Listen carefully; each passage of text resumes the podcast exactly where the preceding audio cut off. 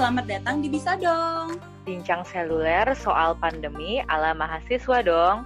Ide utamanya adalah identity based habit change. Jadi kalau lo tuh mau ngubah uh, kebiasaan lo, kebiasaan kebiasaan entah itu kebiasaan buruk atau kebiasaan baik, lo itu harus ngubah identitas lo gitu.